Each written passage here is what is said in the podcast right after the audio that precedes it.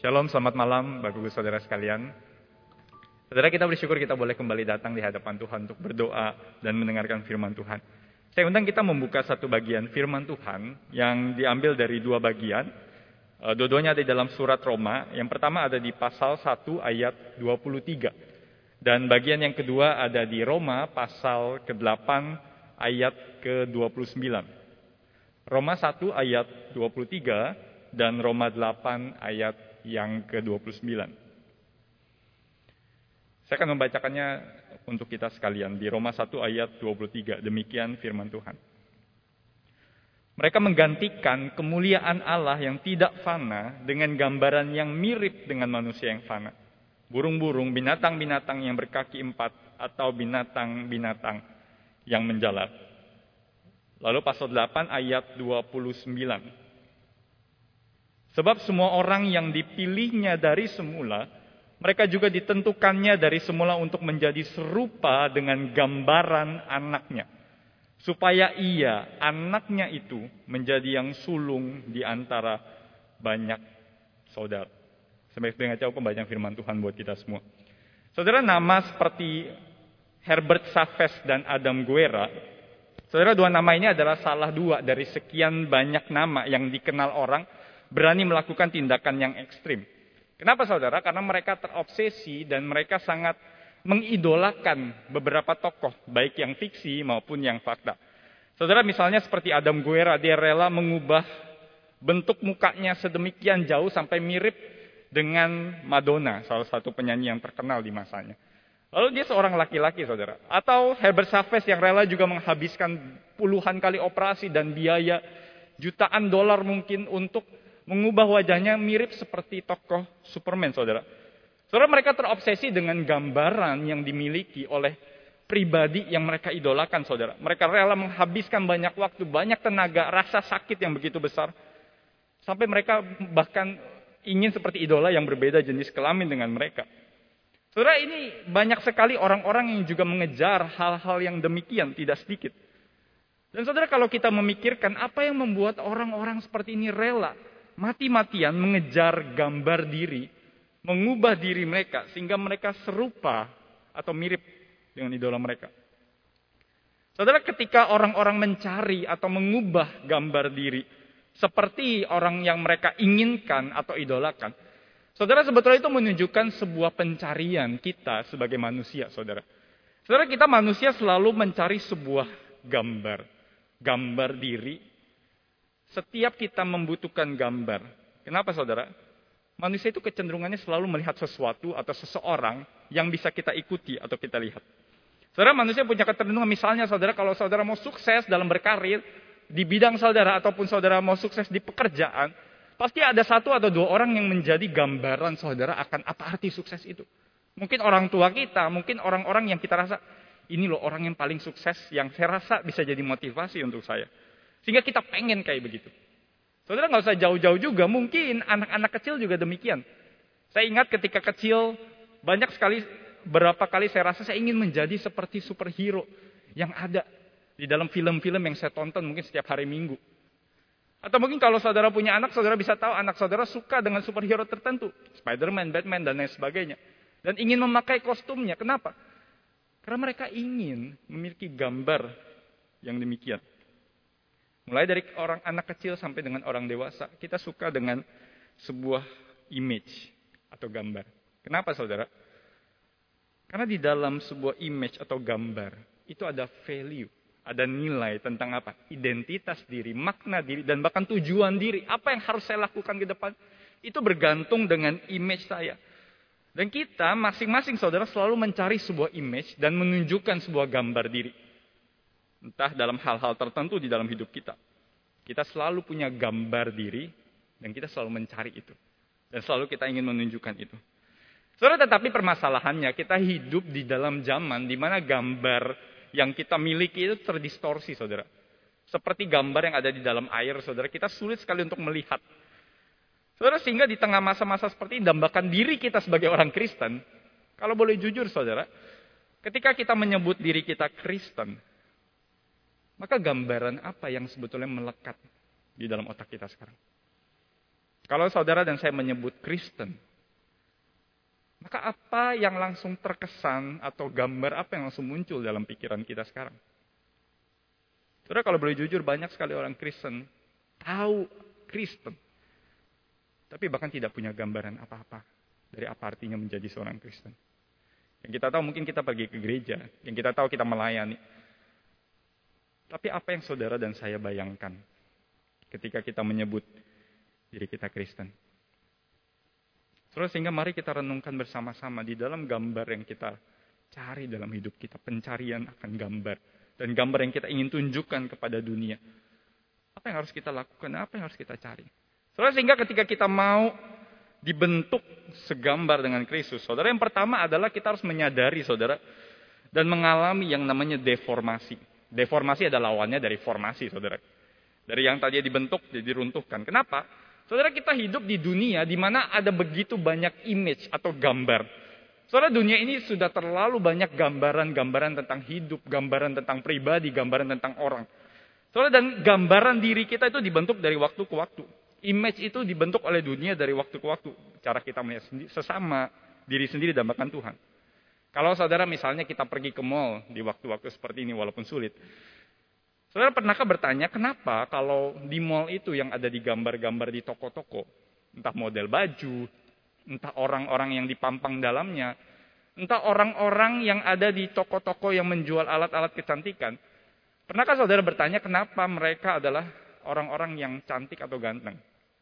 Kenapa mereka orang yang wajahnya mulus, badannya bagus, dan kalau pakai baju rasanya bagus sekali.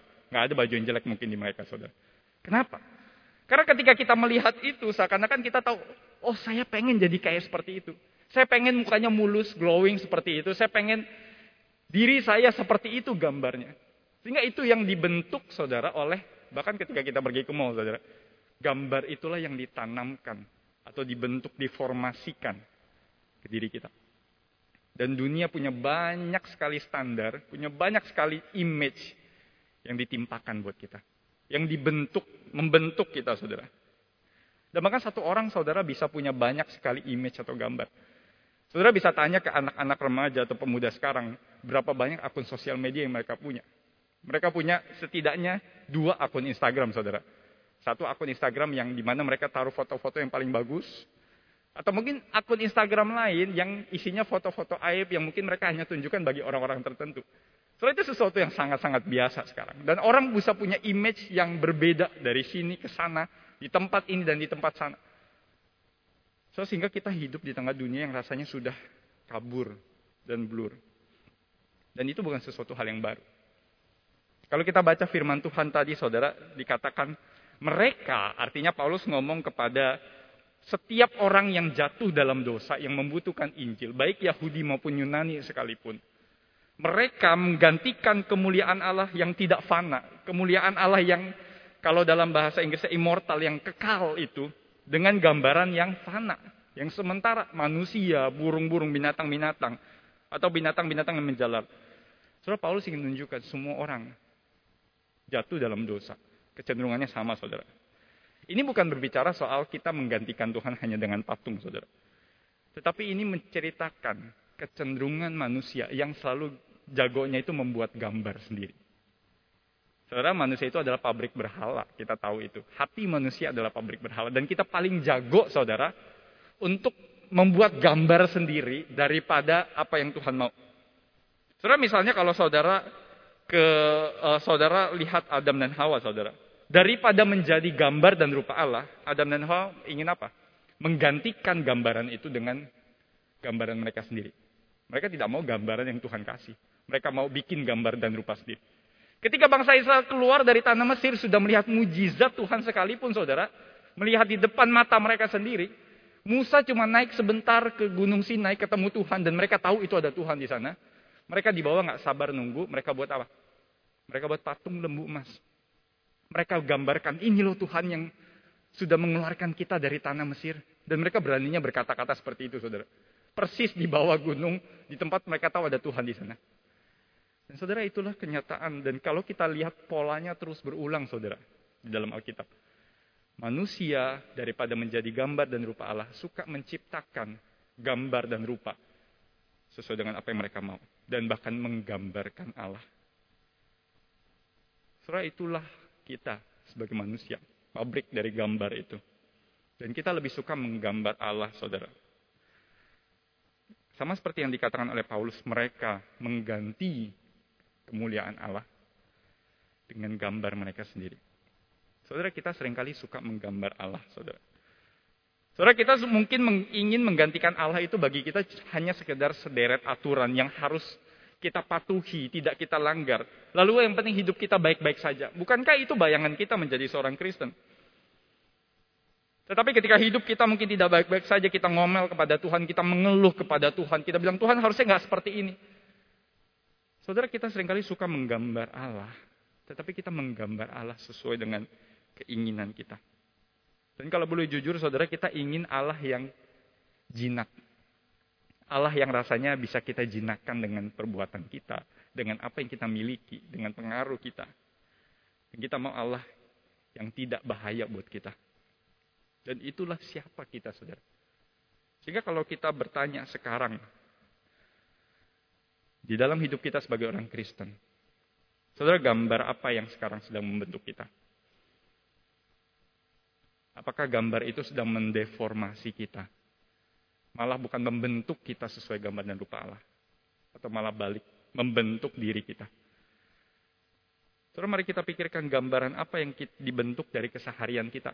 Dari kehidupan kita sebagai orang Kristen, dari cara kita bekerja, cara kita memperlakukan sesama, cara kita mencari keuntungan, berkuliah, dan bahkan ketika saudara dan saya ikut Tuhan ke gereja, gambar apa yang sedang saudara tunjukkan? Apakah saudara dan saya sedang menciptakan Tuhan versi kita sendiri. Saudara kalau itu yang terjadi, maka kita perlu dideformasi. Kita harus melunturkan gambaran yang dunia berikan bagi kita. Tapi sekaligus kita butuh yang kedua, saudara. Kita juga butuh direformasi. Butuh direformasi. Saudara, di sanalah kita boleh melihat gambar yang sejati itu. Saudara, gambaran apa yang harusnya kita punya, saudara, sebagai pengikut Kristus? Saudara, Roma pasal 8 menjelaskan dengan sangat gamblang, saudara. Dan Yohanes Calvin, saudara, berkata bahwa di dalam hidup kita, ketika kita sudah dibenarkan oleh Kristus, di Roma 8 ini juga berbicara soal hasil dari pembenaran. Kalau saudara dan saya sudah dibenarkan statusnya di dalam Kristus, maka itu berarti ada efeknya dalam hidup kita. Apa efeknya, saudara? Di Roma 8 ayat 29 dikatakan, Sebab semua orang yang dipilihnya dari semula, artinya Allah yang memilih kita sebagai orang percaya, ditentukan atau mungkin kadang kita pakai bahasa dipredestinasikan dari semula sejak awal, itu bukan tanpa tujuan saudara. Untuk apa? Ada tujuannya. Untuk menjadi serupa likeness dengan gambaran anaknya. Saudara bisa bayangkan manusia diciptakan segambar dan serupa Allah. Tapi manusia memilih gambarnya sendiri. Tetapi Allah memilih menyelamatkan kita dan menentukan kita serupa dengan gambar satu orang. Yaitu Yesus Kristus. Saudara lihat betapa Tuhan itu menggambarkan kehidupan kita. Dan dia ingin betapa kita segambar dengan Kristus. Saudara mungkin kita suka dengar dengan bahasa itu. dan sering disebutkan di gereja sebagai tujuan hidup orang Kristen adalah untuk menjadi serupa dengan Kristus. Saudara kalau boleh jujur apa arti serupa dengan Kristus? Kita sering dengar ini. Kita ikut persekutuan, kita ikut baca firman PA. Kita ingin menjadi serupa dengan Kristus. Serupa dengan apa saudara? Saudara serupa dengan Kristus itu bukan hanya berbicara soal kita jago menjalankan sederet aturan moral, moral tertentu, saudara. Saudara Yesus itu menunjukkan kepada kita apa artinya menjadi manusia. Saudara Yesus menjadi manusia supaya kita bisa menjadi seperti Yesus. Yesus menjadi sama seperti kita supaya menunjukkan apa artinya menjadi manusia yang sejati. Saudara itulah sebabnya di kitab Roma, di surat Roma, saudara, Yesus disebut sebagai Adam yang kedua. Kalau kita mirip dengan Adam yang pertama di dalam dosa, maka di dalam Adam yang kedua, kita mendapatkan keselamatan, pengudusan, gambar yang dipulihkan oleh Tuhan. Saudara, ada seorang penulis yang pernah berkata seperti ini. Soalnya dia berkata bahwa Tuhan itu tidak punya cucu. God has no grandchildren. God only has children. Allah itu tidak punya cucu. Allah hanya punya anak. Soalnya saya tergelitik mendengar pernyataan ini. Kenapa? Karena kita sering kali menganggap bahwa kita tidak bisa menjadi sama seperti Yesus. Saudara, kita disebut anak-anak Allah. Kenapa saudara? Karena ada satu pribadi yang disebut sebagai anak Allah, yaitu siapa? Yesus Kristus. Dan kita bukan anaknya Kristus. Kita bukan cucunya dari Tuhan. Tapi kita anak-anak Allah kenapa? Karena kita dibentuk segambar dengan Kristus. Sehingga di, sehingga di tengah gambaran dunia yang ada di sekitar kita, yang bahkan membentuk cara kita berelasi dengan Tuhan.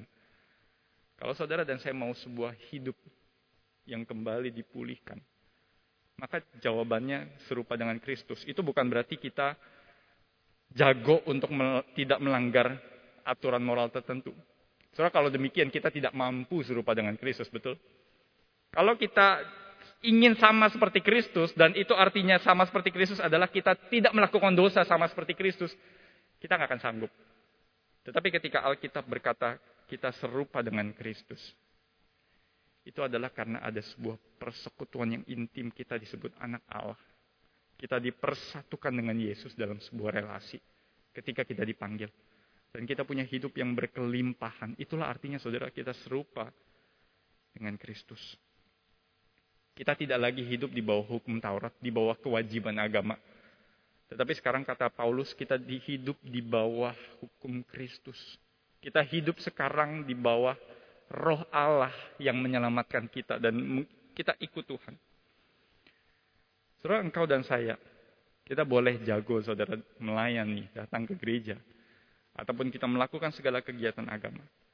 Tetapi serupa dengan Kristus. Itu berarti Kristus hidup di dalam kita, mengubah gambar kita. Serupa dengan dia. Surah ini tidak bisa ditawar. Ini tidak bisa dibeli dengan kewajiban agama kita. Ini hanya bisa oleh anugerah Tuhan. Saudara, kalau engkau dan saya mau mengejar apa artinya bayangan hidup Kristen, maka kita harus mengejar keserupaan dengan Kristus itu. Dan saudara mohon maaf di sini tidak ada gambaran yang nyaman buat kita. Kenapa? Saudara kalau kita mau lihat gambar Yesus. Saudara kalau saya berbicara soal serupa dengan Kristus, image of Christ. Maka kalau gambaran Yesus itu kira-kira kita gambarkan dengan apa saudara? Kalau di gereja itu adalah gambaran yang paling kelihatan. Saudara tahu kenapa di gereja itu bukan adanya foto-foto Yesus dalam segala kejayaan dan kemuliaannya. Saudara tahu kenapa kalau gereja itu diberikan sebuah tanda dan kita tahu itu gereja dari mana? Dari sebuah gambar. Salib. Mimbar kita mungkin bentuknya salib. Hiasan salib di gereja mungkin yang itu yang paling mesti ada di gereja. Saudara gambaran yang Yesus pilih untuk engkau dan saya. Dan ini bahkan kita pilih untuk beribadah. Adalah salib. Gambaran yang bagi kita sekarang mungkin rasanya nyaman. Karena itu menunjukkan kasih Allah yang indah. Tapi bagi pengikut Yesus pada saat itu, saudara, gambaran salib adalah gambaran yang menakutkan. Kenapa? Itu berarti kita harus mati. Saudara, dan saya pikir itulah yang Yesus mau dari diri kita, saudara. Kita harus mati terlebih dahulu. Dari dosa-dosa kita. Dari gambaran-gambaran yang kita punya tentang Tuhan. Yang sering kali menyimpang. Saudara, itulah sebabnya Paulus merindukan apa? Aku mau serupa dengan dia di dalam apa? Bukan hanya di dalam kemuliaannya. Paulus bilang, aku mau menjadi serupa dengan Yesus di dalam apa? Penderitaannya dan kematiannya. Saudara ini bertentangan dengan segala gambar yang kita punya di tengah-tengah dunia. Gambaran yang kenyamanan yang sering kali kita punya sebagai orang Kristen. Kalau saudara dan saya mau direformasi hatinya, segambar dengan Kristus, maka itu berarti harus ada yang mati harus ada yang mati dari diri kita. Saudara pada zaman Tuhan Yesus, orang-orang Yahudi menggantikan harapan mereka dengan Mesias. Saudara mereka memilih gambaran Mesias yang mereka mau. Mesias yang naik. Kuda perkasa, Mesias yang menghancurkan bangsa Romawi. Itu gambaran yang mereka mau. Dan mereka lebih memilih mengganti ketika Mesias itu datang dan tidak sesuai dengan harapan mereka. Apa yang mereka lakukan saudara? Mereka lebih memilih membuang Tuhan daripada gambaran mereka Itu mereka ganti. Saudara bisa bayangkan kedegilan hati manusia. Bahkan Tuhan aja bisa kita buang, saudara. Kalau itu tidak sesuai dengan ekspektasi kita. Saudara mengikut Yesus, itu sering kali bertentangan dengan naluri kita. Bertentangan dengan nilai-nilai di pekerjaan kita, di dunia sekitar kita. Tapi mengikut Yesus, itu berarti kita harus dideformasi dari nilai-nilai dunia. Mengambil keserupaan di dalam kematiannya. Supaya apa? Supaya itu menjadi sebuah nilai yang berharga dengan kita. Ketika Yesus hidup di dalam diri kita, itulah image, gambar yang kita pancarkan di sekeliling hidup kita. Saudara, sehingga sekarang saya ingin bertanya kepada setiap kita, ketika kita adalah penggambar-penggambar, orang-orang yang menyandang gambar-gambar Kristus dalam diri kita, maka apa gambar yang paling menggelisahkan kita, saudara, hidup sebagai orang Kristen? Saudara, ada banyak orang resah kalau gereja mungkin tidak penuh. Ada banyak orang resah dengan masa depan dari gereja. Ada banyak orang resah dengan pelayanan yang mungkin sulit untuk berjalan. Ada banyak orang resah dengan hal-hal yang tidak bisa kita lakukan, ketidaknyamanan. Saudara, tetapi hal yang paling harusnya meresahkan kita, gambaran yang harusnya paling meresahkan kita, adalah ketika gereja penuh, tapi tidak lagi diisi oleh orang-orang yang menggambarkan Kristus. Saudara, kita boleh resah dengan situasi yang terjadi sekarang. Kita boleh resah dengan banyak pelayanan yang mungkin sulit berjalan. Tetapi kita tidak boleh kurang resah. Kita tidak boleh tidak resah. Ketika mungkin gereja dipenuhi oleh orang-orang yang tidak lagi mencerminkan Kristus. Itulah seharusnya gambaran yang paling meresahkan kita. Apakah saudara dan saya? Saya pun secara pribadi.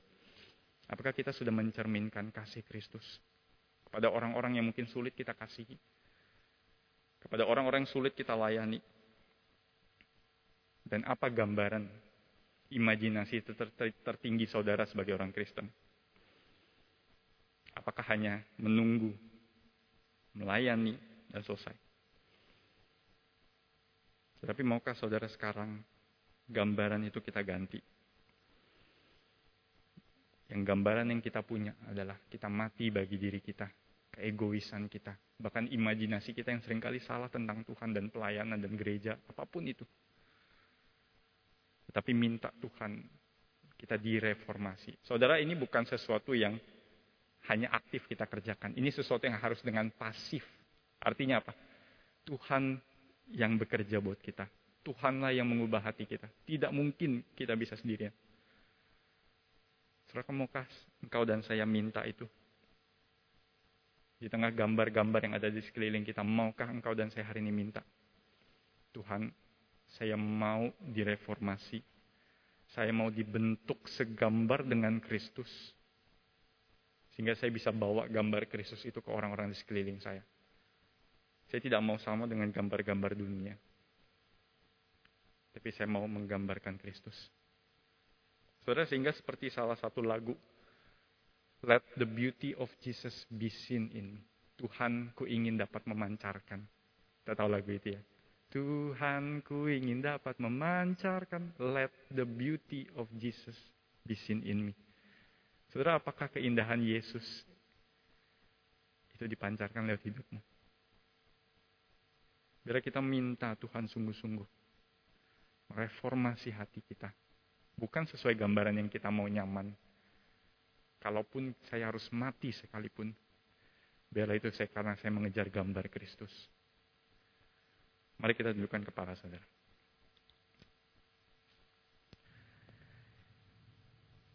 Saudara, maukah kita saat ini minta kepada Tuhan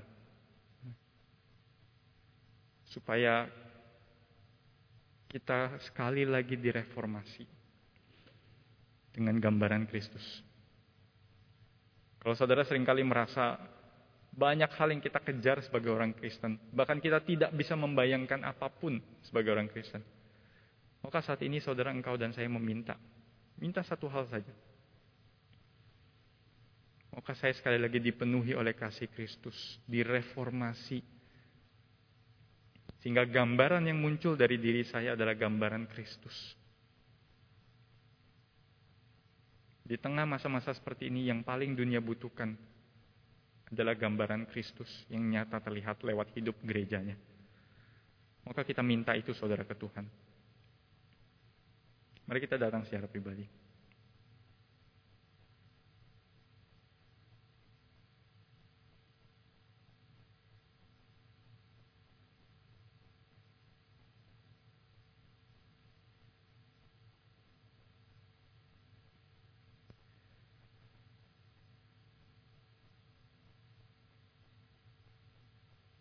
Tuhan ampuni kami ya Tuhan.